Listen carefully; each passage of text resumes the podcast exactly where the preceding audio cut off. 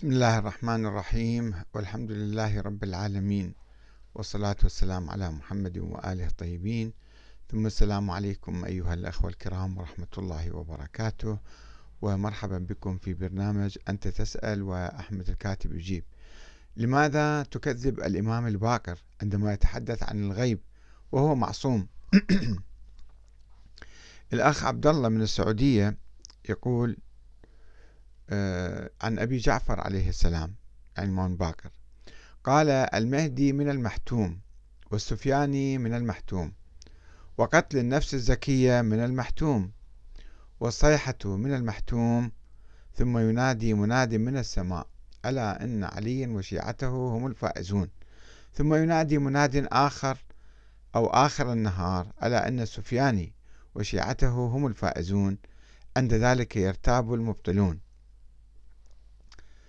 فعلقت على هذا السؤال أو هذا الحديث قلت له كذب المنجمون ولو صدقوا إن هذا الحديث مكذوب على الباقر وحتى لو صحت النسبة إليه فهو ليس نبيا ولا يعلم الغيب ولا يجوز تصديقه بمثل هذه الأقاويل.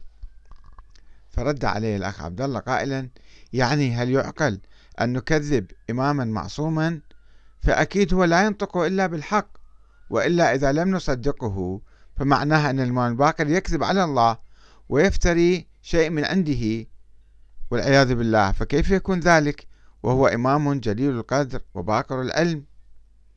فقلت له أخي العزيز الحديث مكذوب عليه والإمام الباقر عالم جليل ولكنه ليس معصوما ولا معينا من قبل الله ولا يعلم الغيب ولو تحدث بالغيب فرضا لا نصدقه كما لا يمكن أن نصدق أي إنسان يتحدث بالغيب.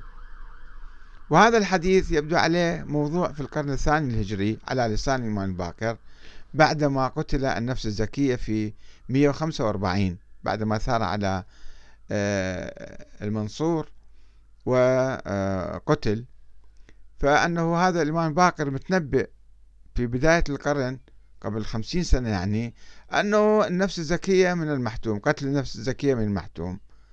طيب وبعد؟ السفياني راح يجي. السفياني وين؟ صار 1300 سنة ما ما له موجود في في المنطقة. أن ذول السفياني كان في في العهد السفياني طبعا. في ظل العهد الأموي على أساس الإمام باكر كان عايش. وبعد؟ ثم ينادي منادي من السماء. كيف يعني ينادي من السماء؟ الصيحة من المحتوم. إن يسمعه كل أهل الأرض. هذا حتى النبي محمد ما اجى جبرائيل صيح بالسماء أنه هذا النبي محمد. أشهد إلا أن علي ألا أن علي وشيعته هم الفائزون. ثم ينادي مناد آخر النهار على أن سفياني وشيعته هم الفائزون. هذا كلام يعني أثبت التاريخ. يعني شيء خارج كل المقاييس الدينية والقرآنية والعقلية. فكيف يمكن نصدق بهكذا أحاديث لأنها نسبت إلى الإمام الباقر؟ وهو بريء منها. نسبت أحاديث كثيرة إلى أهل البيت وهم براء منها. فلا يجوز أن نصدق أي حديث باعتباره أن الإمام الصادق معصوم أو الإمام الصادق ما يكذب. لا الإمام الصادق ما يكذب ولكنه أيضا مو معصوم وهذا الحديث أصلا كذب عليه. فعلق عدد من الأخوة على ذلك. الأخ أبو عقيل قال قل آه، ذكر هذه الآية الكريمة. قل لا يعلم من في السماوات والأرض الغيب إلا الله وما يشعرون أيان يبعثون. وقال قل لا أملك لنفسي نفعا ولا ضرا إلا ما شاء الله.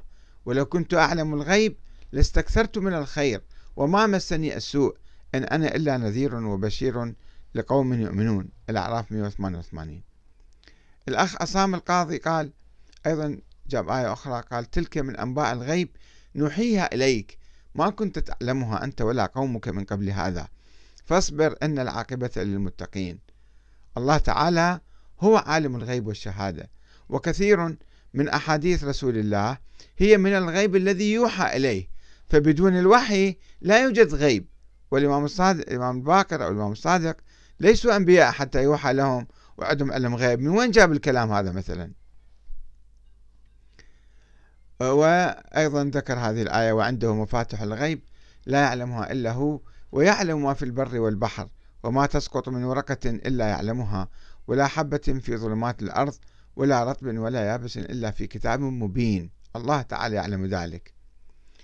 الأخ غالب المحاسن الواسطي قال إن الله تعالى يطلع بعض الرسل على بعض أمور الغيب عن طريق الوحي. هل توجد آيات تفيد اطلاع بقية الناس مثل الإمام باكر أنا أقول أو من يختار منهم آه، الغيب. هذا ما موجود. فكيف يجيني واحد يتكلم لي بالغيب ويتكلم أشياء عجيبة غريبة يعني؟ آه، وإحنا لازم نصدقها مثلا. هاي مشكلة العقل الساذج والبسيط والأخباري اللي يصدق أي حديث يعني.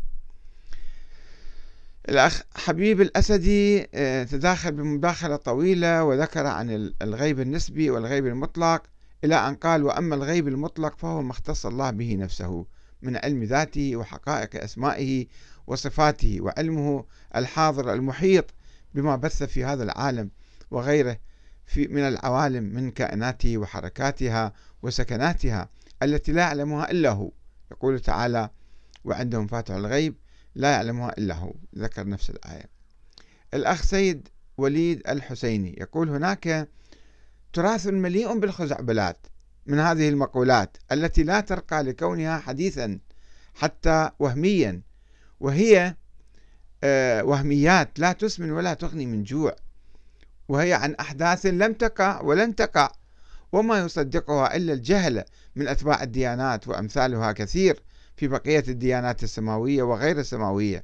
ولم ينفرد مذهبنا وحده في حشو تراثه بهكذا معاجز وهمية.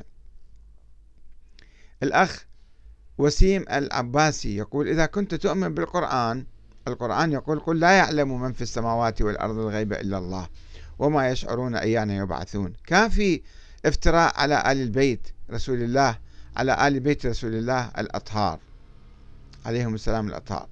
الأخ سلمان أحمد الأحمد. يقول نعم أستاذ أحمد أن الحديث وكثير من الأحاديث مكذوبة على لسان الرسول صلى الله عليه وآله وسلم فكيف بأهل بيته عليهم السلام؟